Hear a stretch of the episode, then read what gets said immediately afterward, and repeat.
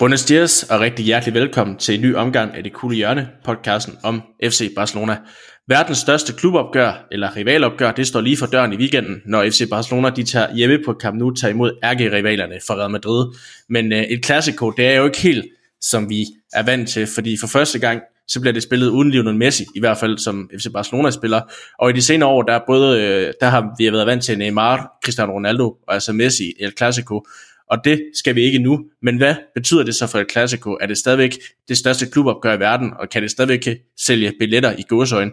Det og mange andre ting skal vi forsøge at svare på i dette afsnit af det kulde hjørne, hvor vi har en, øh, en gæst med, og det er dig, Ali Nassadi. Kan du ikke lige øh, starte med at præsentere dig selv over for lytterne? Jo, jamen øh, som sagt, så hedder jeg Ali, og øh, jeg er 24 år gammel, og øh, ja, så er jeg jo så for årgang i 97. Øh, og så er der jo så må man sige, at jeg er i den, øh, den del, der hedder, at øh, jeg nok er den yngre øh, del af Real Madrid-fansene. Øhm, det vil så sige, at øh, jeg også har mange, øh, mange momenter i Real Madrids historie, som jeg ikke øh, har oplevet i forhold til visse andre fans.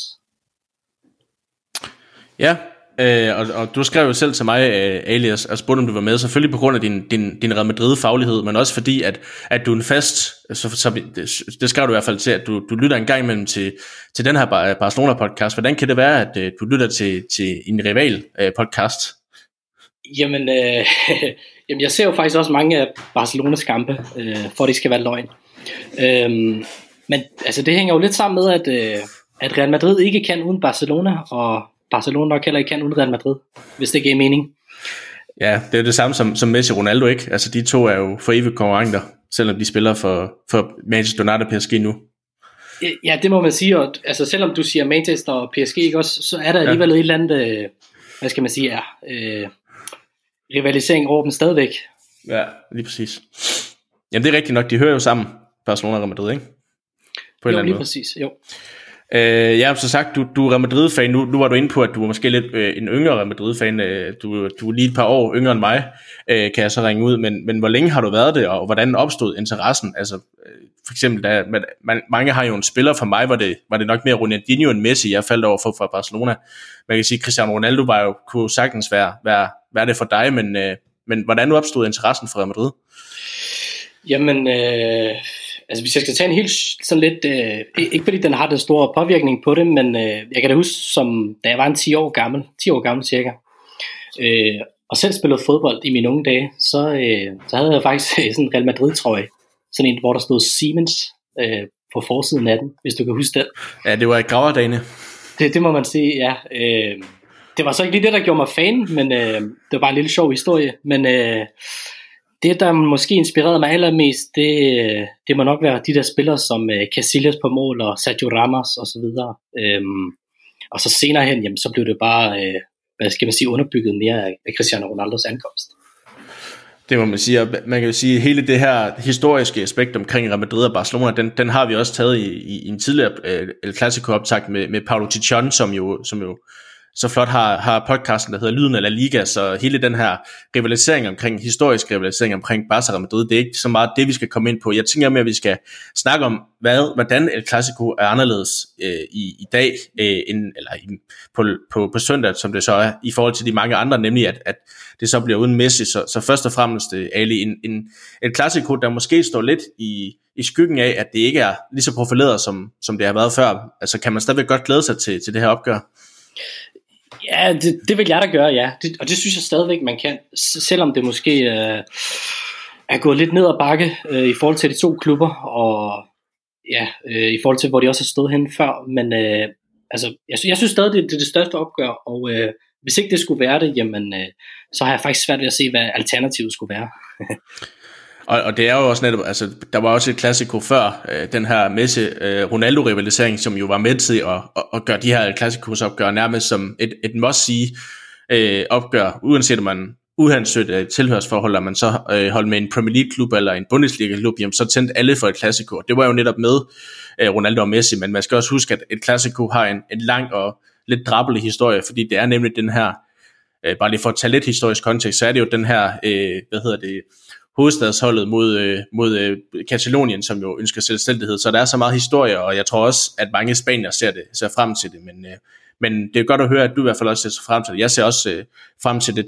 Hvad tror du sådan, bare lige kort, vi kan forvente af det her klassiko? Øh, jamen, jeg har noteret mig ned, at, øh, at der, der nok skal komme en hel masse mål. Øh, og så er det også et, øh, uden at afsløre for meget, jamen, så er det måske også et kig ud i fremtiden. Altså et fremtidsklassiko, hvis man kan bruge det begreb. Øh, men øh, det, det kommer vi nok tilbage til senere også.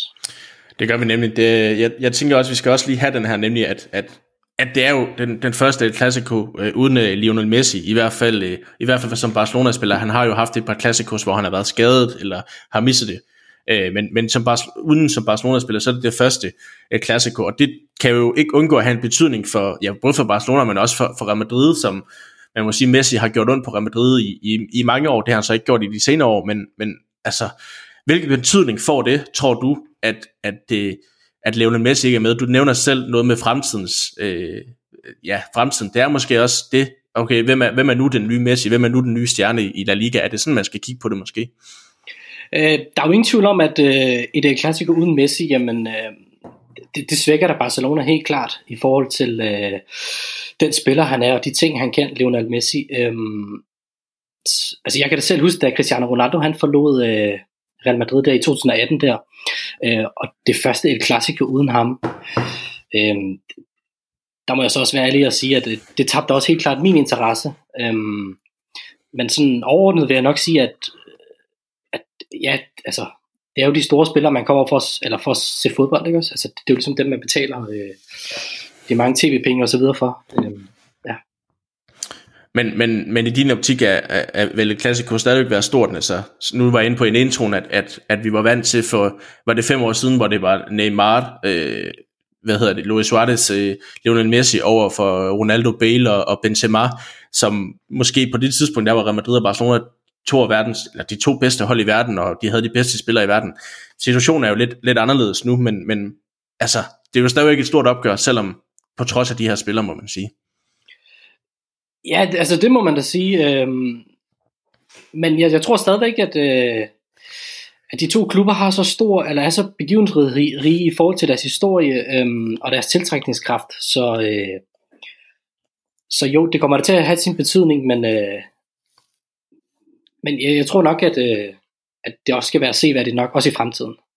Så El Clasico er stadigvæk stort uden Messi. Altså, man kan sige, selvfølgelig er han, som du siger, han, han er en, der sælger billetter, ligesom Ronaldo var det, og, og, og så videre, men, men El Clasico er, er jo stadigvæk stort, fordi der er så meget historie, og det er de to største klubber i Spanien, og også to af de største klubber i, i verden. Altså, så, øh, så selvfølgelig så måske lidt for, for, for markedsværdien, så, så, så, så det måske ikke, øh, så er det måske ikke en bestseller, men der er stadigvæk masser af gode grunde til at tænde for et klassiko, netop på grund af den historiske kontekst, og altså, som du siger, så, det var faktisk godt, du sagde det der med det fremtiden, fordi hos begge mandskaber er der jo unge spillere, øh, som jeg tænker, vi skal ind på senere, som, som kan tage over for netop, ja, Ronaldo eller, eller Messi. Ja, og så, øh, så har jeg også øh, lyttet til nogle andre podcasts, hvor øh, der blandt andet blev nævnt øh, fra flere eksperter af, at, øh, ja, at dengang Cristiano Ronaldo han smuttede, jamen, altså der var et øh, Real Madrid før Cristiano Ronaldo, og øh, der er også et, øh, et Barcelona efter Lionel Messi, selvom det måske kan være svært at, ligesom at overskue på nuværende tidspunkt. Ja, øh, øh, uden at gå for meget i det, jeg tror, vi har, ned, har diskuteret Messi i, i samtlige af vores øh, afsnit nærmest siden, siden han er skiftet, men jeg skal lige have det for, for et Real Madrids perspektiv. Altså, hvordan så man fra, hvad skal man sige, ærgerivalen på, at, øh, at Lionel Messi forlod Barcelona? Altså, jeg kan sige, dengang Ronaldo forlod Real Madrid, jeg jublede lidt, men var også lidt, nå okay, ærgerligt, fordi man vil jo gerne have, at den spanske liga er så stor som muligt, at man vil gerne have, at man slår det bedste Real Madrid-hold, der er, og det var jo et Real Madrid-hold med, med Cristiano, altså var det på samme måde, man kiggede på, på Messis uh, skifte væk fra Barcelona, selvom Messis historie i Barcelona nok er, er større end den Ronaldo havde i Real Madrid, fordi Messi jo er, altså var den her one club man, håbede man på, i hvert fald han, han skulle være.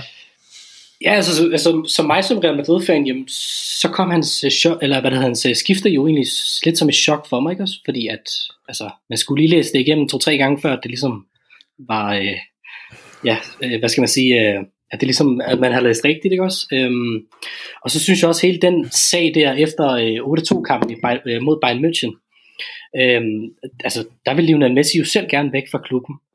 Øhm, og så på grund af nogle juridiske ting og så videre, så, øh, så kom det jo ikke til at ske.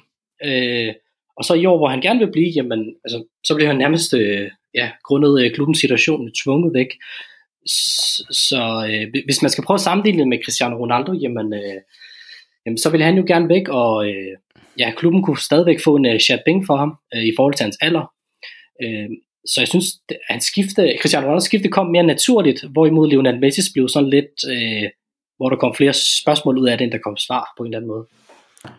Men, men sidder man også sådan lidt og jubler som Real Madrid-fan og tænker, yes, vores konkurrenter mister deres, deres største profil, eller er man sådan også lidt, ej okay, Messi var, var også La Liga, og han var også en del af, af Real Madrid, som du siger, altså på en eller anden måde, selvom de er konkurrenter, så er Barcelona og Real Madrid forbundet. Altså sidder man også lidt, både sådan med ja-hatten på, men også sådan lidt, ikke grædfærdig, men irriteret over, at, at Messi forlod Barcelona. Ja, altså jeg synes, man har sådan en, øh, hvad skal man sige, en blandet øh, følelse i maven ikke, over det. Øh, fordi at han tiltrækker jo øh, nogle flere mennesker til at se øh, La Liga og så videre. Øh, men jo, altså helt klart en, sådan en lidt øh, blandet smag i munden, kan man godt sige. Jo.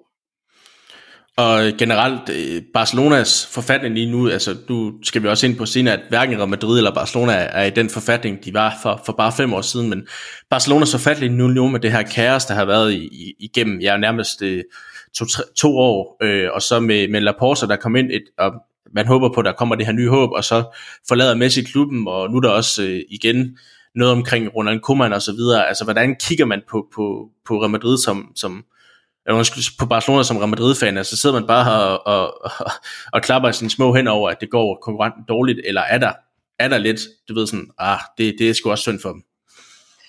Øh, igen vil jeg sige en blandet følelse, men altså jeg tror, den situation, som øh, hvad hedder, Barcelona er inde lige, lige nu, der synes jeg, at øh, man sådan lidt kan, godt kan kende, øh, eller kigge tilbage på Real Madrid sæson øh, i 2018 efteråret, øh, hvor man mister deres allerstørste spiller, øh, og så også det her med, at, øh, ja, at der er den her træner, som hele tiden er på nippet til at blive fyret. Øh, jeg, jeg mener hvis nok, det var Lopetegi, som var træner øh, i det år. Uh, og ja, han blev, mener hvis faktisk han blev fyret efter en klassiker, hvis jeg ikke husker forkert. Øhm, så det er sådan lidt, altså, øh, man spejler lidt sig selv i Barcelona lige nu, øh, som Real Madrid-fans, øh, da man øh, følte, efter, eller Real Madrid i efteråret 2018, vil jeg sige. Er det ikke også den sæson, Real Madrid så ender med at vinde Champions League, faktisk? Øh, jo, det, det, må, det er en længere historie. Ej, det er ikke, at Barcelona, ikke at det er Barcelona regner med at gøre det, men det, igen, altså, Real Madrid var det for nogle år siden, jeg kan tydeligt huske, der var den der, den der Supercup i, i 2018, tror jeg, hvor, øh, eller var det, ja, jeg kan ikke huske, om det var 2018 eller 2017, hvor, øh, hvor, hvor du ved, Barca har lige mistet Neymar, og, og ser forfærdeligt ud af Real Madrid trumler over Barcelona, alligevel var det så Barcelona, der, der endte med at, at vinde mesterskabet. Øhm, og, og så var det så, at det her med Ronaldo kom, men alligevel så synes jeg, at, at at Real Madrid formåede at komme, kom godt væk fra, fra Ronaldos skifte væk fra klubben. Øh, jeg synes, øh, jeg synes egentlig, de håndterede det godt. Altså Vinicius øh, opblomstrer nu ikke, og, og selvom Hazard ikke var det køb, man havde håbet på, jamen, så har man, har man jo erstattet ham med, med nogle folk, øh, selvom der ikke er den der store stjerne, så det kan man jo også håbe på, at Barcelona formår at gøre det samme med Messi, selvom, som du nok siger, Ronaldos skifte kom ikke som det store chok, øh, ligesom Messi gjorde. Altså Messi kom lidt ud, og det blev Ronaldo øh, gjorde det på den rigtige måde. Han stoppede på toppen, kan man sige. Øh, så, så man kan jo sige, man kan drage lidt par, paralleller der, i hvert fald. Men øh, hvis vi skal kigge lidt på, på et klassiko igen, øh, det, er det, det er det første klassiko øh, efter corona, øh, hvor vi igen kan få øh, fuld øh, kapacitet på, øh, på Camp Nou, og der er lagt op til, at, øh, at hvis, øh, der er jo stadigvæk det her med, at Katalonien nogle gange har nogle andre regler i, i forhold til corona, end, end i resten af Spanien, men, men så vidt de, jeg kan læse i de i katalanske medier, så spekulerer de, at der kommer altså fuldt hus på, på Camp Nou på søndag, og der er lagt op til en, en kæmpe øh, musik. Tror du, det kan spille en rolle for, for både Barcelona og Real Madrid, at de nu igen kan spille øh, med, med fuld hus? Jeg ved godt, at Barcelona spillede mod Atletico for på par uger siden, hvor der også var fuldt på Wanda Metropolitano, men altså et fuldt kamp nu for første gang i, i to år. Altså tror du ikke, det kommer til at have en betydning for kampen? Jo, helt klart. Altså, øh, jeg tror, vi efterhånden havde vendt os lidt for meget til de her tomme tribuner og ja, falsk øh, fanstøj, hvis man kan kalde det det, øh, på tv-skærmene. Øhm, så, så jo, det, det kommer da helt klart til at spille en rolle. Øhm, og så er det også sjovt, at øh, øh, det der øh, Clasico, der var lige før corona, øh, jeg tror det var marts øh, 2020, øh, det var jo faktisk den, sådan, den sidste kamp, jeg kan huske, øh, et klassiko, der var med, på et fuldt stadion på Bernabeu, ikke også? Øh, så jo, altså det, jo, det bliver bare fedt at få, øh, få fuldt hus på lægterne. Øhm, og så er der også lige en anden pointe, jeg gerne vil komme med, nemlig øhm, efter Cristiano Ronaldo han øh, smuttede fra Real Madrid i 2018, jamen der snakkede man, øh, kan jeg huske, blandt Real Madrid-fans, om at øh, at nu var der ligesom, øh, nu gad folk ikke at komme på stadion, fordi nu var den store stjerne smuttet. Øh, jeg synes lidt, man ser de samme tendenser med, med Messi nu. Ikke øh, for at gå for meget i den snak igen, men øh, altså, hvor mange var der til øh, Dynamo Kiev-kamp? Var det 50.000 eller sådan noget? Øh, der må du lige hjælpe mig, hvis, øh, hvis jeg skal forkert. Øh, øh, ja, men igen, jeg er lidt i tvivl med det der, de, de katalanske regler, fordi det har i hvert fald været 45.000 i nogle af de andre kampe, øh, de kunne gå her. Jeg kan, huske, jeg, tror, jeg kan ikke huske, om det var Thomas Christensen, der, der kommenterede en kamp for et par uger siden, hvor han sagde, at han synes, det var for dårligt, at der ikke var, øh, der ikke var flere tilskuere. Og så var det så, jeg så en Barcelona-fan, hey, der kan kun være 45.000 øh, på Camp Nou på grund af de der coronaregler, øh, hvilket gør, at 37.000 egentlig er, er godt i forhold til den fulde kapacitet. Men jeg tror, de bliver nu, men det, det er det der med, at de, den spanske regering har, har udsendt de her coronaregler, men, men det er op til de forskellige regioner i Spanien, om de vil have fuld kapacitet eller ikke. Men så vidt jeg har læst mig til, så er det i hvert fald fuld kapacitet på, på søndag. Men jeg er, ikke, jeg er usikker på, om det også skal mod Dynamo Kiev. Det tror jeg, det gjorde. Men, men jeg kan godt følge en pointe, at, at jeg tror, den her, hvad kan man sige, Barcelona har jo altid været kendt for, at, at, at i hvert fald blandt, blandt øh, katalanerne, at man gik ikke, man gik ikke på Camp Nou for, for bare at se fodbold, man gik på Camp Nou for at blive underholdt. Øhm, så det har både været en blanding af Messi, men også at, at man har, at man under Ronald Koeman måske ikke har spillet det flotteste øh, fodbold, øh, men det kan sagtens selvfølgelig en pointe af, at, at grundet af, at Messi ikke er der, så har folk nok mistet lidt af lysten, men det håber man jo så kommer igen, øh, i hvert fald. Men, øh, men øh, for, for, det, for, det skal, øh, for lige at komme tilbage til, til der med, med, med fuld kapacitet på lægterne, altså, tror du også, det kan, det kan påvirke Real Madrid-spillerne, at, at nu skal de stå foran i et fuld kamp nu igen. Vi har jo før hørt om, om, om hvordan Kamp nu kan skabe den her magi. Altså et bedste eksempel er jo, er jo 6-1 sejren mod PSG for, for nogle år siden, hvor PSG jo nærmest virkede helt rystet over den måde modtagelse, de fik øh, øh, på Camp Nou. Altså tror du, det er noget, Real Madrid-spillerne overhovedet at tænke over, eller er de så erfarne, fordi mange af dem jo har prøvet det før? Nej, altså man skal jo ikke undervurdere at, øh, et fuld kapacitet på Camp Nou. Det, det synes jeg ikke. Øh, alt efter hvordan øh, startopstillingen nu kommer til at se ud, så, så tror jeg, at Real Madrid-spillerne er sådan meget, øh, hvad skal man sige, øh, bundrutineret i forhold til øh, de ting. Øh, der er nogle spillere, som har været med i gamet i mange år. Øh, så det er ikke, øh, jeg vil ikke sige, det er der min, øh, min største bekymring ligger. Men øh, det er da helt klart, det skal, ikke, det skal i hvert fald ikke undervurderes. Det er i hvert fald spændende at se, øh, om, om det kommer til at spille en rolle, men også spændende bare i generelt, at, at, at der er kommet tilskuer igen i, i Spanien, og, og det bliver fedt at se Camp nu få fuld udblæsning. Det har man savnet i, i de to år, der har været der. Det samme havde jo gjort sig gældende, hvis det var, hvis det var på Bernabeu. Altså, det, er jo, det er jo dejligt at se øh, tilskuerne igen. Øh, Ali, du er med for at gøre mig og, og lytterne lidt klogere på, på Real Madrid. Jeg tænker, de, fleste, men de fleste ved jo godt, hvad for en størrelse Real Madrid er. Men kan du ikke lige starte med at fortælle lidt om, hvordan Real Madrid kommer ind til, til opgøret? Altså nu vandt de jo en, en stor sejr her i, i, i midtugen i, i, i Champions League, men, men spillede jo ikke i weekenden på grund af de her sydamerikanske VM-kvalifikation. Og så den seneste La Liga-kamp, de havde, det var altså en, et, et nederlag til, øh, til Espanyol. Øh, hvordan står Real Madrid op til opgøret her?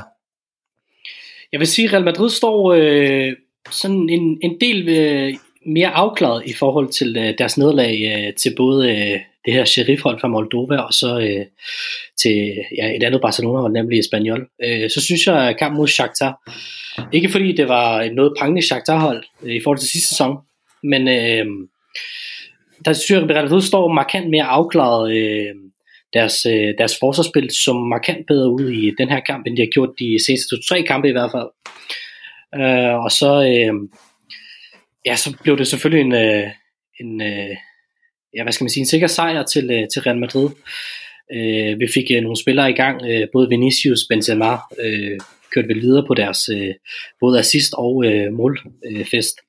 Øh, øhm, så, øh, så i forhold til deres spil, så synes jeg, at de, øh, de var også meget mere afklaret med øh, deres positioner og roller på banen mod Espanyol. Der blev det sådan lidt famlende forsvarsspil, og hvem skulle dække hvem op. Øh, så synes jeg også, det bærer præg af, at man, man endelig fik en, en rigtig bak i forhold til at få Falamondi tilbage fra skade. Jeg har været ude i en 4-5 måneder, mener det er. Øh, så jeg synes helt klart, at deres forsvar var meget mere afstemt, og så øh, i forhold til Espanyol-kampen, så spillede de jo med øh, de tre på midten med, med Kroos, Modric og Casemiro, ikke også? Øhm, så deres spil var meget mere afklaret, vil jeg sige, i forhold til øh, de andre kampe, de har spillet. Så det er et Real Madrid med, med, med, med selvtillid, kan man sige. Altså nu så jeg lidt af, af, af kampen mod Shakhtar, og især Vinicius ligner jo en mand, der, der, der, der, har, der virkelig har taget, taget øh, sken i sin egen hånd, og har virkelig sagt, den der kritik, som jeg har haft i mange år, jamen det skal vi ikke mere mere. Altså han, hans afslutning er jo blevet markant bedre, og han er blevet farlig nu. Altså han, han ser jo virkelig ud til at være, kunne være det her øh, wonderkid, og det her store øh, spiller, som, som han jo har fået skudt i skoene i mange år. Altså, så, vil, vil du sige, at Real Madrid, de, øh, ja, du sagde lige selv, men de står stærkt i forhold til El Clasico, og specielt måske med, med en Vinicius i, i topform. Ja, altså du, jeg tror ikke, du vil vide, hvor mange gange jeg har taget mig til hårene, når Vinicius han har brændt en, øh, en meget stor chance i hvert fald. Men øh, jeg tror også, det var Mads Juncker, øh, ekspert på TV2, han øh, sagde et, for et par runder siden i La Liga, at øh, jamen, Benzema og Vinicius, det er simpelthen den farligste angriberduo. Øh, det, det kan man så altid diskutere, ikke også? Men, øh, men jo, jeg synes øh, helt klart, de står, øh, de står helt klart øh, stærkere øh, Real Madrid i forhold til Barcelona. Jo. Og den, den pointe kan jeg godt købe, at, at det måske øh, øh, inden kampen, at, at Real Madrid står et bedre sted, øh, sådan rent i forhold til lige nu, end, end Barcelona gør. Men, men de her kampe lever selvfølgelig sit eget liv, og vi skal komme ind på, på vores forventninger til sidst. Men hvis vi lige skal kigge på noget andet i Real Madrid, så er det jo nu, at, og at øh, Ancelotti er kommet tilbage som træner i Real Madrid, øh, i stedet for Zinedine Zidane. Hvordan er, øh, er Ancelottis Real Madrid? Er det ligesom vi kendte det i den her 13-14 sæson, eller, eller hvordan? Altså, hvordan er Real Madrid anderledes under Ancelotti, end det var under Zinedine Zidane? Øh, hvis vi skal starte med at tage det i forhold til Zinedine Zidane, så, øh, så bruger mange, øh, jeg ved ikke om eksperter bruger det, men øh, Real Madrid-fans bruger det her begreb, der hedder Ancelotti-bold, ikke også? Øh, i forhold til Zidane-bold. Øh, og Ancelotti, han er sådan lidt mere, øh, hvad skal man sige, øh, lidt mere offensiv i sin tilgang, og lidt mere frem, øh, øh hvad skal man sige, øh, offensiv i sin, øh, ja, sin tilgang, og så, øh, så øh, gør det ikke noget, at, øh, at man gerne øh, lukker en enkelt eller to øh, i sit eget mål, men øh, så længe man bare skruer mere end modstanderen. Øh, og så en af de ting, jeg har bemærket i hvert fald øh, i de første 4-5 kampe, jamen øh, så prøvede han jo faktisk at lave, øh, hvor han rykkede, øh, han rykkede Marco Asensio ned på midtbanen, i stedet for at bruge ham ud på højre kant, øh, hvilket jeg mener, han også gjorde med Di Maria i sin tid, og øh, ja, det blev Di Maria jo bare en bedre fodboldspiller i sin tid, men øh, han, øh, han har prøvet det med Marco Asensio i hvert fald, øh, blandt andet da han også har Toni Kroos skadet, Øh, og det, det er han så lidt gået væk fra nu, ikke også? Fordi at, øh, det kunne han godt se, jamen, det, det fungerede til delsvis, men øh, han fik ikke det store ud af det. Øh, så, øh, så helt klart et mere offensivt udtryk i forhold til Zidane, øh, og så minder hans, øh, hans hold øh, i forhold til 13-14 sæson. Øh, der er jo nogle markante navne, som er væk. Øh, Ronaldo, Sergio Ramos, øh, og ja, jeg kunne blive ved, ikke også? Men øh, helt klart et mere offensivt udtryk har han i hvert fald, end Zidane havde. Og man kan jo sige, at, øh, at, at, at Øh, Gareth Bale var jo også rigtig, rigtig god under Ancelotti, nu er han godt nok skadet, og han fik jo også det bedste frem i, i Isco og så videre. At, har de spillere fået en, en lille revival under, under Ancelotti? Altså, øh, jeg var i hvert fald overrasket over, at Gareth Bale blev i, i Real Madrid, men det var måske på grund af Carlo Ancelotti. Ja, der var ikke, øh, forholdet mellem ham og Zidane var jo ikke øh, særlig godt, øh, Gareth Bale. Men øh, jo, under Ancelotti, der har han da i hvert fald blomstret en lille smule op øh, i starten af sæsonen. Øh, som sagt, så sagde du, at han er ude med skade, og øh, ja, det er vel bare et tilbageslag for ham selv. Øhm, så øh, med, i forhold til Isco, så, øh, så, så tror jeg simpelthen bare, at Isco, han, øh, ja, han ikke, øh, hans dage er i hvert fald i den hvide rende, tror jeg. Så ja. Det, øh, der er løbet kørt. Øhm, hvis vi så skal, skal kigge lidt på, øhm, på styrkeforholdet, nu, nu, nu var vi lidt inde på det, men, men hvordan ser Real Madrid på styrkeforholdet til Barcelona nu? Altså Barcelona ligner måske det svageste hold i, i mange år, og selvom Real Madrid måske også i forrige sæson og, og, og sæsonen, da de, da de blev mestre, havde overhånd mod Barcelona i, i både i Clasico, men også i ligaen, jamen, der havde Barcelona jo stadigvæk en, en talisman i, i Messi. Altså, hvordan ser man på, på styrkeforholdet til, til Barcelona nu? Altså, kan man godt se, okay, nu er vi faktisk måske det bedre hold end, end, end, øh, end Barcelona, eller er det stadigvæk den her respekt for, at de her kampe lever sit eget liv? Nej, men der er jo ingen tvivl om, at de her kampe, de lever sit eget liv. Øhm, øh, øh, så øh, styrkeforholdet vil jeg sige, altså jeg synes ikke, at Real Madrid øh, sådan, hvad skal man sige, kæmper med de samme problemer, som Barcelona gør. Øhm, øh, altså i de her ting ude for banen, der synes jeg, øh, Real Madrid har jo ikke på samme måde været, øh, været nødsaget til at, øh, at få sine spillere til at gå markant mere ned i løn, for eksempel øh, for at kunne indskrive dem i truppen. Det ved jeg blandt andet Barcelona har været nødsaget til. Øh, og så det her store øh, stadionsrenoveringsprojekt, jamen øh, der er Real Madrid jo meget længere fremme allerede. De har jo næsten spillet, øh, ja, hvad var det, en halvanden sæson eller sådan noget, øh, på et træningsanlæg, fordi at deres stadion skulle renoveres. Øh, øh, så har Real Madrid måske også en markant mindre løn, øh, eller hvad, undskyld, gæld hedder det. øh, og så, øh, så kan man så vende tilbage til noget af det, vi snakkede før, nemlig at øh, nu er der så gået tre år siden, at øh, Cristiano Ronaldo han forlod, så det der step, eller den proces, øh, den er Real Madrid også meget længere frem i, i forhold til at ja, Lionel Messi han ikke er der for den her sæson af, ikke også? Øh, så jeg vil sige, at styrkeforholdet, øh, det, det, det peger i en rigtig retning i, hos Real Madrid i hvert fald, i forhold til Barcelona. Og det kan man sige, med, uden, nu, nu er jeg selvfølgelig Barca-fan, så jeg vil jo sige, at, at det styrkeforhold har i hvert fald i, i mange år måske været, været, været større på Barca's halvdel, i hvert fald under, under Guardiolas øh, tid, der, der var Barcelona jo i hvert fald nok øh, det bedste hold øh, i, i de kampe, men også i ligaen, og, og også under Enrique, og så havde man jo også den her periode med Valverde, hvor, hvor Barca øh, vandt. Så, så det, det er måske også øh, øh, ja, sin tiltrækning for Real Madrid at kunne se, at en, en fremtid, hvor man, øh, hvor man kan se, at, at konkurrenten øh, bøvler med nogle af med nogle problemer, som, som vi også havde for nogle sæsoner siden, og de skal igennem det samme, som vi lige har overstået. Altså, det, det må jo være en lys fremtid, Real Madrid kan ind i, i forhold til, til, til Barcelona. Altså, man, man kan kigge på en Kylian Mbappé, der står uden kontrakt til sommer, øh, ikke? og man kan kigge på en sommer, hvor man måske kan købe, lave de her Galacticos indkøb efter ja, tre år, som du siger, uden, uden Cristiano Ronaldo, men hvor, hvor man ligesom taget de nødvendige skridt i forhold til renovering, der måske er stadion, der måske har været et større projekt og en mere nødvendig ting for, for, for Real Madrid, end at købe de her store Galacticos indkøb, og det er svært at se Barcelona øh, synes jeg, selvom at man bliver ved med at skrive, om Barca har råd til, ja, senest i dag, så stod der, at Barca vil være med i kampen om, om Kylian Mbappé, men det er jo svært at forestille sig for, for Barcelonas side, end det er for Real Madrids side, så jeg kan godt købe ind på præmissen om, at om Real Madrid lige nu, og måske også i en fremtid, er det, er det stærkeste mandskab af de to, når man kigger på, på det udefra, men som sagt, så er det jo kampe, der, der lever sit eget liv og bliver afgjort på banen, ikke ud for banen. Ja, og så... Øh... Ja, du, du fortsætter bare. Ja, og så, så i forhold til, at der ikke skal gå for meget transfersnak i den, jamen altså, øh, i for, hvis man skal kigge øh, vægte op imod hinanden i, øh, med Real Madrid og Barcelona, så deres transfer. Altså, øh, jeg kunne da godt sidde og grine lidt af, når jeg læste, at øh, ja, de nærmest forærer Luis Suarez væk gratis. Øh, øh, en spiller som Ivar Rakitic, jamen, han var jo, altså han havde da trods alt nogle år viser, og kunne man ikke have fået lidt flere penge fra ham. Øh, hvis man så kigger over hos Real Madrid, jamen, øh, altså, så solgte man Martin Ødegaard i det her transfervindue, ikke også? Men altså, ham er der ikke nogen, der savner. Øh, og så købte man en, øh, en Camavinga ind, ikke også? Øh, så det er sådan lidt, øh, jeg synes øh, strategisk, så, så gør Real Madrid nogle, øh, nogle bedre handler. Øh, altså, ja, det er bare min mening. Ja. Det, det kan jeg godt følge dig i. Jeg tror faktisk, jeg havde en snak med, med netop Paulo øh, fra Lyden af Liga om, om, for nogle år siden, om at, at det var ligesom om, at, at Barcelona og, og Real Madrid havde, havde bygget lidt øh, strategi Øh, Real Madrid har jo altid været kendt for de her Galacticos øh, indkøb, og så for et par år siden, jamen, så købte man de her unge spanske spillere i, i, i en Isco, i en Jesus Valero også, en, en Rafael Varane i sin tid, og sådan et eller andet, og bygget, støbte ligesom et, et fundament til fremtiden.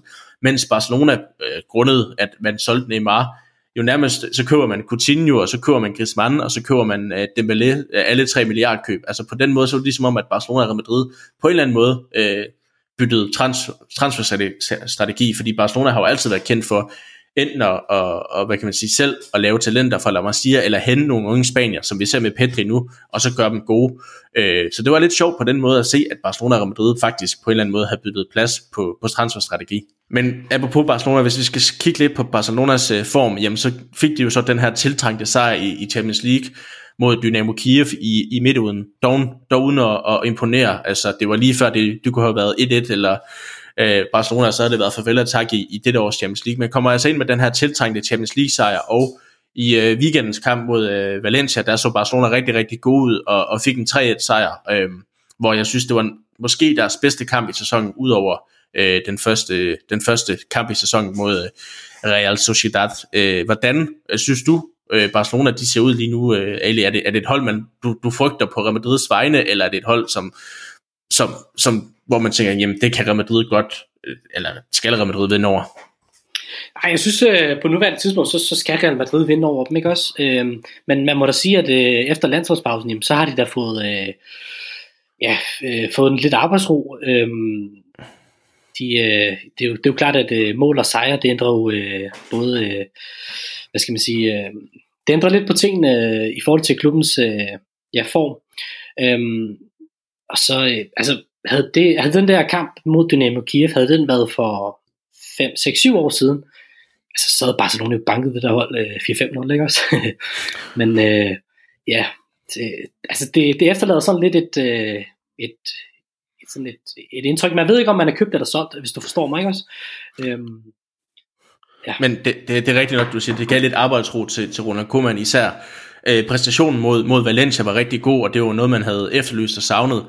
Men, men igen, altså man følger den ikke op med den samme præstation mod Dynamo Kiev, så det er sådan lidt, du ved, frem og tilbage, frem og tilbage, men øh, sejre afler selvtillid, som man siger, nu har de, står de med to sejre i sæsonen, og de står og er stadigvæk med i mesterskabskampen, øh, og, og, og står øh, trods alt bedre i Champions League nu, selvom, selvom det stadigvæk ser svært ud, så, så jeg tænker, at Barcelona har selvtillid, selvom at, at, at, at det ikke var den bedste præstation mod Dynamo Kiev, men skal man, skal man tage noget med, så var det i hvert fald en rigtig, rigtig god præstation mod Valencia, og forhåbentlig er det en, de kan følge op på mod, mod Real Madrid, og det er også, hvis vi skal begynde at kigge lidt ind på forventninger til kampen, så tror jeg faktisk som, som Barcelona-fan, at man er kommet, øh, uden, uden at sige for meget dertil, jamen taber man 1-0 til Real Madrid, men præstationen er er i verdensklasse, præstationen er i top, man ser det her Barcelona-hold, man kender med noget tiki-taka-inspireret fodbold, og man vil frem på banen, når man angriber, men man ender med at tabe 1-0, så tror jeg faktisk, man vil være væsentligt mere tilfreds, end hvis man øh, vinder en lidt heldig, heldig sejr på, på sådan et indlæg ind til Luke de Jong i, i, i overtiden, hvor spillet ikke rigtig har flyttet. Øh, flyt. Altså, så tror jeg mere præstationen af det, der, der er øje med for Barcelona, end, end selve resultatet, selvom man selvfølgelig aldrig vil tabe til ærgerivalen. Men jeg håber, du kan se min pointe i, at, at det for Barcelona handler om ligesom at lave den her gode præstation mod et, et tophold, et andet europæisk tophold. Jo, øh, og så, øh, så har jeg en lille bemærkning i forhold til øh, både Valencia og så Dynamo Kiev-kampen. Øh, I forhold til Valencia-kampen, så kommer de jo faktisk bagud 1-0 ret tidligt i kampen. Øh, og så er det da også fedt, at øh, man kan sige et Barcelona-hold, som, øh, som står imod det der pres, ikke også? Øh, I forhold til, at de får, øh, de får vendt kampen. Øh, måske godt nok lige et øh, omdiskuteret straffespark, men, øh, men det, det vil jeg gå ind i. Øh, men ja, og så mod Dynamo Kiev, så virkede de bare som et hold, der... Øh, ja, der, der tog en lidt på rutinen, ikke også, øh, i forhold til at vinde øh, 1-0. Så jo. Og hvis vi så her skal kigge lidt på vores øh, forventninger til kampen, hvis man kigger lidt på, på de seneste indbørs, indbyrdes kampe, hjemme, så, øh, så har Real Madrid jo haft, haft særdeles godt styr på, på Barcelona.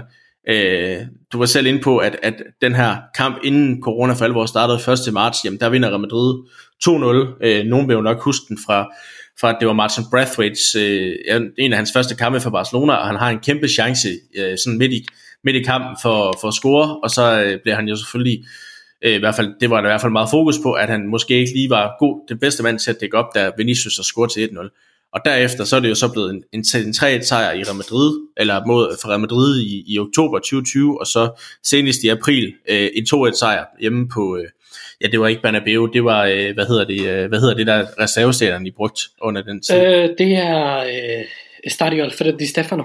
Ja, lige præcis. Der blev det til en 2-1 sejr, der hvor Ilaç Moriba, han, øh, han rammer overlæggeren lige, lige til sidst. Så, så Real Madrid kommer jo ind med, med, med overhånden, kan man sige, hvis man kigger ud for de seneste indbyrdes kampe. Seneste Barcelona-sejr, det er, det er tilbage i, i 2. marts 2019, hvor øh, Ivan Rakitic han blev, blev værtsvinder. Og, så det siger jo nærmest sig selv, at det er, der er sket meget for både Real Madrid og Barcelona siden, øh, siden, siden Barcelona sidst vandt. Øh, men, men, og man kan jo sige, at Barcelona er jo kun blevet sværere siden, siden da og hvor Real Madrid jo både har vundet et mesterskab, men også øh, har, har set bedre ud. Øh, så, så målt ud på både statistik, men hvordan vi også har snakket om, at, at Real Madrid kommer ind til opgøret, jamen så må de jo vel, vel sige sig at være favorit, selvom det er på, på Camp Nou. Øh, nej, men de, de lever jo deres eget liv, øh, og så øh, de her klassikokampe.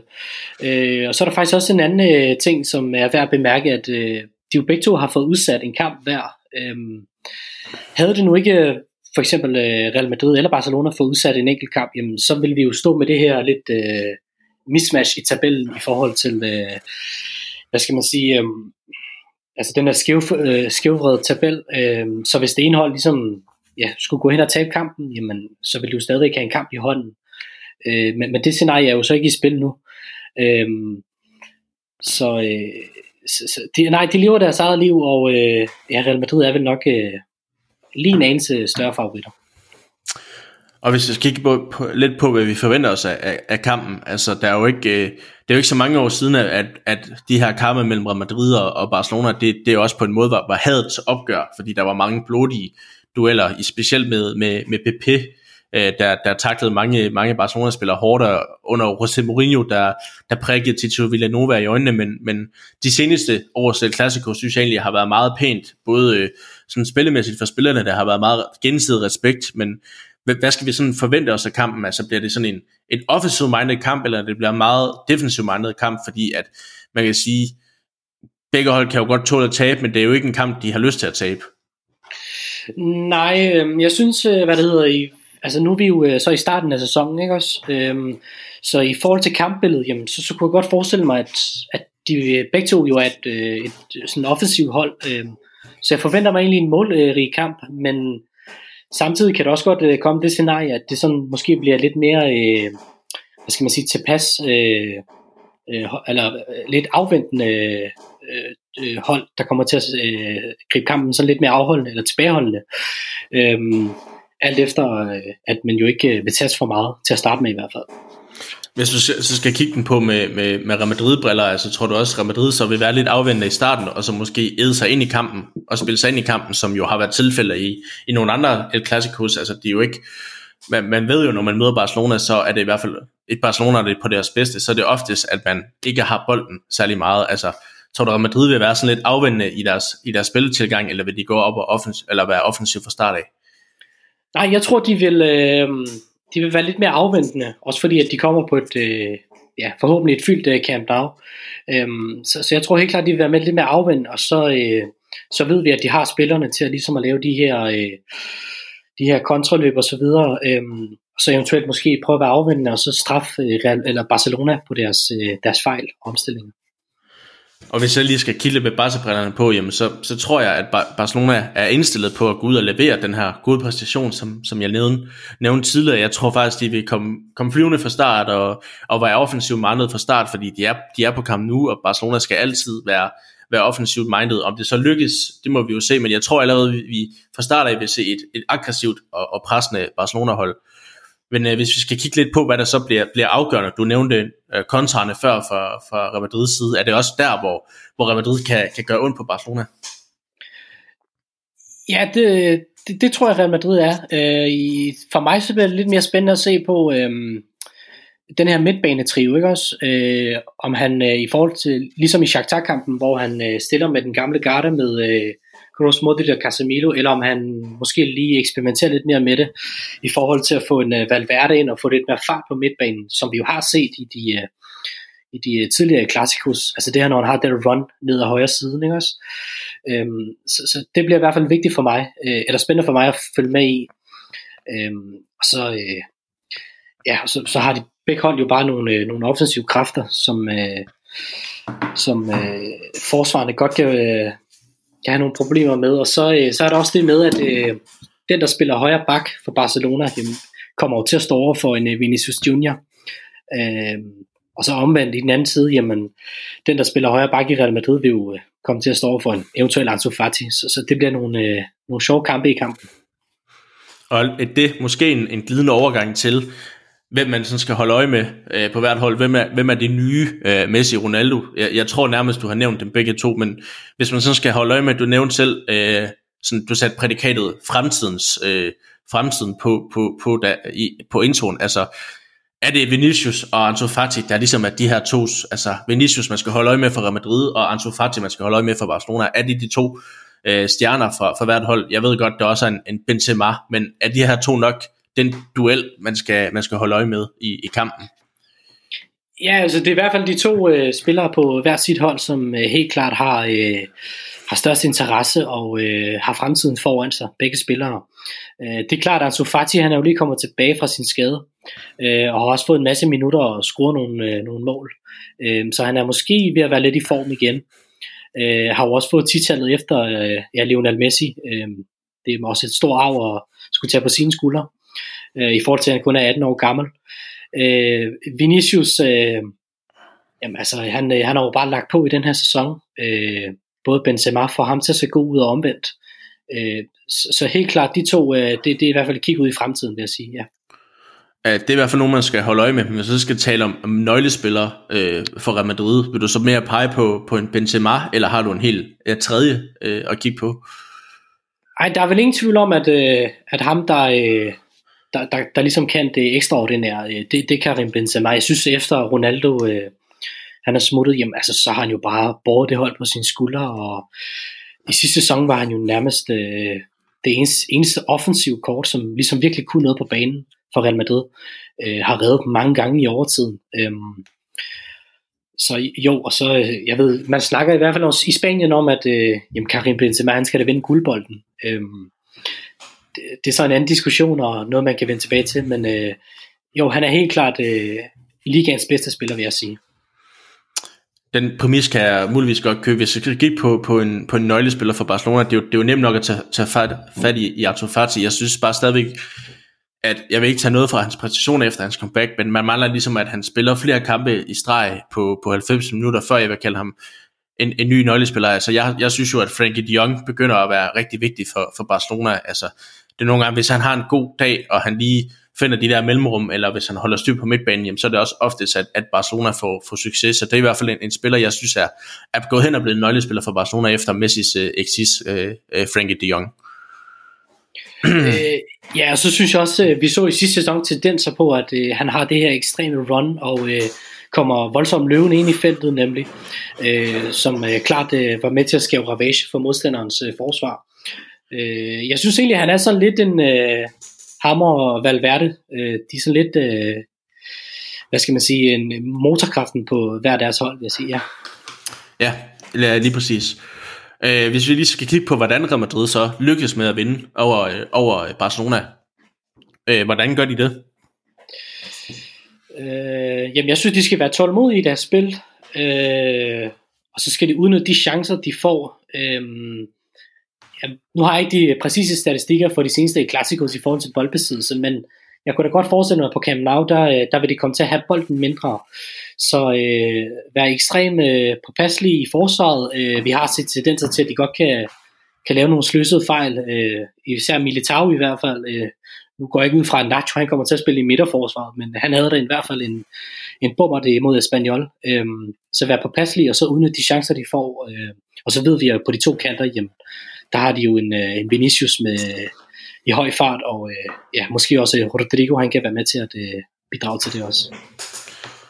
Øh, og hvis jeg lige skal kigge på, hvordan, øh, hvordan Barcelona vinder, hjemme, så, så først og fremmest, så synes jeg, det er vigtigt, at, at Barcelona holder fast i en 4-3-3 opstilling. Øh, jeg tror, jeg og mange tilskuere, og også Laporta er, træk, er, er træt af at kigge på den her 3-5-2 opstilling. Jeg kan godt følge Koman i nogle pointer, at de giver noget defensivt, men Barcelona har bare altid spillet 3-4-3, så det, det, det kan vi jo komme ind på i, i opstilling, men, men for Barcelona tror jeg, det handler om at komme, komme flyvende fra start og prøve på at sætte sig på kampen fra, fra start af, og så, øh, og så prøve på at, og måske score et tidligt mål, og så, øh, og så håbe på, at man kan score det næste mål, fordi jeg tror, begge hold får svært ved at holde nullet, som du selv siger, altså forsvaret har, forsvaret har i hvert fald været Barcelonas akillesæl i, i, ikke bare i den her sæson, men, men, i, men i nogle år efterhånden, og så, ja, på, vinde på de pla- klassiske Barcelona-dyder, men jeg ved ikke, hvor, hvor, om du ser et sted, hvor Barcelona kan, kan gå ind på, på Real Madrid. Øh, jeg synes, øh, Memphis Depay har været, øh, har været sådan lidt et, et frisk indhop, øh, eller et, øh, et, et frisk indkøb, vil man sige. Øh, så, så jeg tror, ham, ham skal man også holde øje med. Han skal ikke undervurderes. Han, øh, han har nogle færdigheder, nogle kvaliteter, som godt kan gøre ondt på et, på et Real Madrid-forsvar. Øh, man skal også øh, huske det i mente, at øh, Real Madrid, de to midterstopper, de, de, de er jo også i forhold, forholdsvis nye. Øh, altså, selvom jeg synes, at David Alaba han er en fantastisk fodboldspiller, øh, så, så må man sige, at øh, ja, der ikke er den samme rutine øh, i de to midterforsvar, som der har været i forhold til øh, både Ramos og Varane har været væk. Eller er væk. Så øh, Memphis Depay skal, skal de holde styr på, øh, på Real Madrid, udover selvfølgelig en, en Fati på, på højre siden måske. Ja, helt klart, helt klart. Han har vist, øh, han har vist gode takter, øh, Memphis Depay. Øh, jo. Og, og her til sidst, hvis vi lige kan komme med et, et bud på, på holdopstillingen. Øh, du kan få lov til at starte øh, som, som Real Madrid-fan. Hvordan, øh, hvordan kommer Real Madrid, eller hvordan stiller Real Madrid op til det her opgør? Jamen, øh, jamen det, det bliver Courtois på kassen. Øhm, og så mener jeg, hvis det, øh, ja, nu kan jeg ikke huske, om øh, jeg har ikke læst den spanske presse endnu, men øh, hvis han når at blive klar, så bliver det vel selvfølgelig Cavaral på højre, øh, Militao og Alaba ind på midten, og så øh, tilbagevendte Mondi øh, på den anden bak. Og så, så tror jeg, han til, til, i starten af, øh, i startelveren, så går han med, øh, med Kroos, Modric og Casemiro. Øh, og så øh, Vinicius, Benzema. Øh, højre siden kan jeg godt have min tvivl i forhold til, hvem han vil spille derude. Øhm, jeg, jeg tror, han går med Rodrigo. Jeg synes ikke, alternativen, øh, så skulle det være en Lucas Vazquez eller et eller andet. Øh, men i forhold til Carvajal, hvis han ikke er klar, jamen, så bliver det, tror jeg, han ned på bakken. Så jeg tror, han går med Rodrigo. Øhm, og så sagde han jo også øh, til det der pressemøde, at øh, i forhold til at spille den her 4-4-2, øh, jeg tror han, øh, Carlo Ancelotti, vi skal spille øh, 4-3-3, fordi at det var ligesom det, der lykkedes imod øh, Shakhtar Donetsk. Øh, så, så jeg tror, det, det er startelveren i hvert fald. Det lyder, det lyder interessant. Det, det, er jo, øh, ja, det er jo et klassisk Real Madrid-hold, som man kender det. Øh, I hvert fald uden, uden de store overraskelser, synes jeg. Øh, hvis jeg skal kigge lidt på, på Barcelonas opstilling, jamen så, så håber jeg så, som sagt, at de holder fat i den her 4-3-3 øh, opstilling. Øh, og de, de er jo selvfølgelig ramt af lidt skader, det er, det er begge mandskaber jo for øvrigt, men øh, selvfølgelig så bliver det med, med en Testikken på mål. Øh, så tror jeg, at Roberto, han spiller øh, højre bakken, øh, og så øh, er det Piqué og Erik Garcia i, i centerforsvaret, og så en Jordi Alba på, på venstre. Og så tror jeg, at øh, øh midtbanen selvfølgelig bliver Busquets, Frankie de Jong, og så den her unge spanske øh, stjerne, eller ja, spanske landsholdsspiller, øh, Gavi, øh, ved siden af dem. Og så øh, tror jeg, at øh, Sergio Jest, han, øh, ligesom han gjorde øh, mod Valencia, også øh, kom ind mod øh, Dynamo Kiev, så får han den her øh, skal vi sige, højre, højre venstre kant øh, side, netop fordi, at, at jeg tror, at det er et våben for at kunne lukke ned for, for Vinicius. Og så selvfølgelig med Festepai i, i angrebet sammen med, med Ansu Fati det, det er i hvert fald mit bud, så det bliver en ren copy-paste fra, fra Valencia-kampen, hvor det var en god øh, præstation. Men jeg tænker nemlig, at med Roberto og Sergio Dias, så får man ligesom en mulighed for at have to, to højre backs, der kan lukke ned for Vinicius øh, kvaliteter. Ja, jeg, jeg, jeg følger helt klart din pointe i det. Øhm, Vinicius, han, øh, han skal nok få sit at slås med i forhold til både øh, ja, Sergio Roberto og så øh, Sardino Des, som nok også skal med ned og forsvare. Øhm, så øh, jo, det, øh, det var også nogenlunde den opstilling, som jeg havde, i, øh, havde noteret ned i hvert fald, jo. Altså man kan også snakke om, om, om, om en Felipe Coutinho kunne starte inden, eller om det så bliver en Mingueza på, på højre bakke i stedet for, men, men jeg tror, at, at Koeman vil, vil holde fat i det her også. Øh, nu var det, det, det var langt lidt at spille i, i Champions League i midtugen, men det var fordi Garcia har, har karantæne, men, men det er umiddelbart, det skulle umiddelbart kun lige være, være Coutinho, jeg kunne se, i stedet for Gavi, men jeg tror, at, at Koeman har været så meget imponeret over, over Gavi, og, og Coutinho virker også lidt, som du siger, øh, at Isco virker som den man walk in i, i, i Real, jamen, så synes jeg også bare, at Coutinho, han, han er en skygge af sig selv, og det har han jo været i, igennem hele sin, sin Barcelona-tid nærmest, så jeg tror, det bliver den her opstilling, men øh, det kan jo selvfølgelig være, at Koeman overrasker, det, det plejer han jo at gøre en gang imellem. Ja, men så i forhold til øh, Real Madrid startopstilling, hvis jeg lige skal, skal komme ind med noget hurtigt, så, øh, så bliver det spændende at se, om han, øh, han vælger at gå med de, øh, de tre gavede fyre, eller øh, i Kroos, Modric og Casemiro, eller om han vælger at, hvad skal man sige, øh, få lidt mere dynamik og lidt mere fart i, så kunne han sætte en Valverde ind. Øh, men mit, bud, øh, mit store bud, det vil nok være de, de tre, fordi øh, det fungerede også i den seneste kamp ikke en, ikke en Valverde på højre bakken. Man kan jo sige både jeg vil sige, akillesinden for begge mandskaber, det synes jeg lidt er, er højre bakken. Altså, i en tid, før, før i tiden var det jo Dani Alves for, for Barcelona, og, og, og, og Ramos i sine unge dage for, for Real Madrid, ikke, der, der stormede frem og tilbage, men, men jeg synes, at akillesinden for begge mandskaber, det, det, det er lidt højere bakken, hvor, hvor der mangler noget kvalitet. Altså, jeg sige, en, en Sardinio Dest øh, har uden tvivl potentialet til at blive rigtig, rigtig god, men Roberto, altså det er jo, det, han, han, spiller, han spillede sin bedste kamp i, i mange år mod, mod Valencia, men ellers så, så er det jo ikke særlig, særlig god, han har været på, på højre bakken.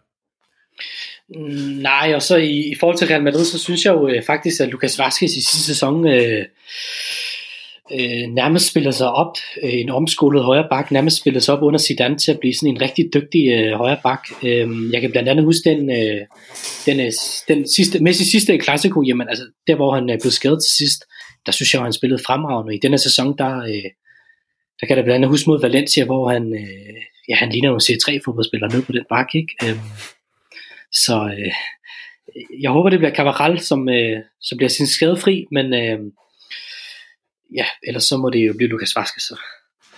Ja, jeg vil sige, jeg, jeg, jeg kan også godt lide uh, Valverde, men, uh, men jeg, kunne godt, uh, jeg kunne godt forestille mig, at, uh, at Ancelotti han holder fast i den her gammel, gavede uh, midtbanekonstellation hos Real Madrid. Um, hvis du ikke har nogen sidste pointer, uh, du, du vil af med, så synes jeg, vi skal komme med et bud på, på kampens resultat. Jamen, øh, så, så våger jeg pelsen, og så siger jeg øh, 3-1 til Real Madrid. Så, øh, så siger jeg, at øh, Benzema han laver to, og Vinicius laver en, og så, øh, så får Piqué også lov til at lave det enkelt en for Barcelona. Ja, ja, men øh, jeg har jo svært ved at gå imod øh, Barcelona i, i sådan en podcast her. Jeg, jeg sagde det jo også, da, da jeg lavede en Bayern München optakt med en Bayern-fan, at jeg har svært ved at gå imod Barcelona, også selvom alt fornuften siger, at, at, at det, det, det er det bedste at gøre, hvis man skulle sætte penge på det, men jeg, jeg tror, ligesom dig, at vi får en målrig kamp, og så tror jeg faktisk, at Barcelona de ender med at vinde øh, 3-2, og en, en, en scoring lige til sidst af, af ja, måske en, en, en Luke de Jong, hvem ved, det kunne være fedt at, at komme ind og, og, og gøre alle, alle de her, øh, alle de kritikerne til skamme, hvis han kommer ind og afgør en klassiko, men jeg, jeg, jeg siger 3-2 til Barcelona, og så tør jeg godt lægge hovedet på blokken, jeg siger, at Ansu Fati, han i hvert fald scorer et enkelt mål. Øhm, ja, Ja, men øh, ja, så, så bliver det bare en, øh, en mega fed kamp som sædvanligt, og øh, ja, vi ser frem til nogle masse mål i hvert fald. Forhåbentlig kan det være en, en god, en, et godt ambassadør for, for spansk fodbold øh, igen, ligesom det var i mange år, at, at, at det her klassiko, jamen selvom det er uden Messi, selvom det er uden Ronaldo, jamen så er en klassiko bare stadigvæk et klassiko, og det er stadigvæk noget af det, det bedste fodbold, der findes, når, når de to hold folder sig ud. Det, det er i hvert fald min forhåbning til kampen af at blive, godt og grundigt underholdt for begge mandskaber. Øh, det, det håber jeg, vi, vi kommer til at se, og det går jeg ud fra, at du er, du er enig med mig i. Jo, helt klart. Øh, jo, det, det synes jeg. Jamen, øh, hvis du ikke har mere, Ali, så vil jeg sige tusind tak, fordi du havde lyst til at deltage i, øh, i øh, podcasten, og øh, jeg håber, at det har været en fornøjelse. Ja, det var i hvert fald en fornøjelse at have dig med. Jamen, øh, ved du hvad, tusind tak, og øh, ja, tak fordi, at øh, jeg måtte være med til en god fodboldsnak i hvert fald. Jo. Det var så lidt, og øh, husk, at du kan abonnere på podcasten på øh, iTunes, og du må da også gerne øh, smide en anmeldelse, øh, hvis det er, og så ellers så er der ikke andet end at sige, øh, vi skal bare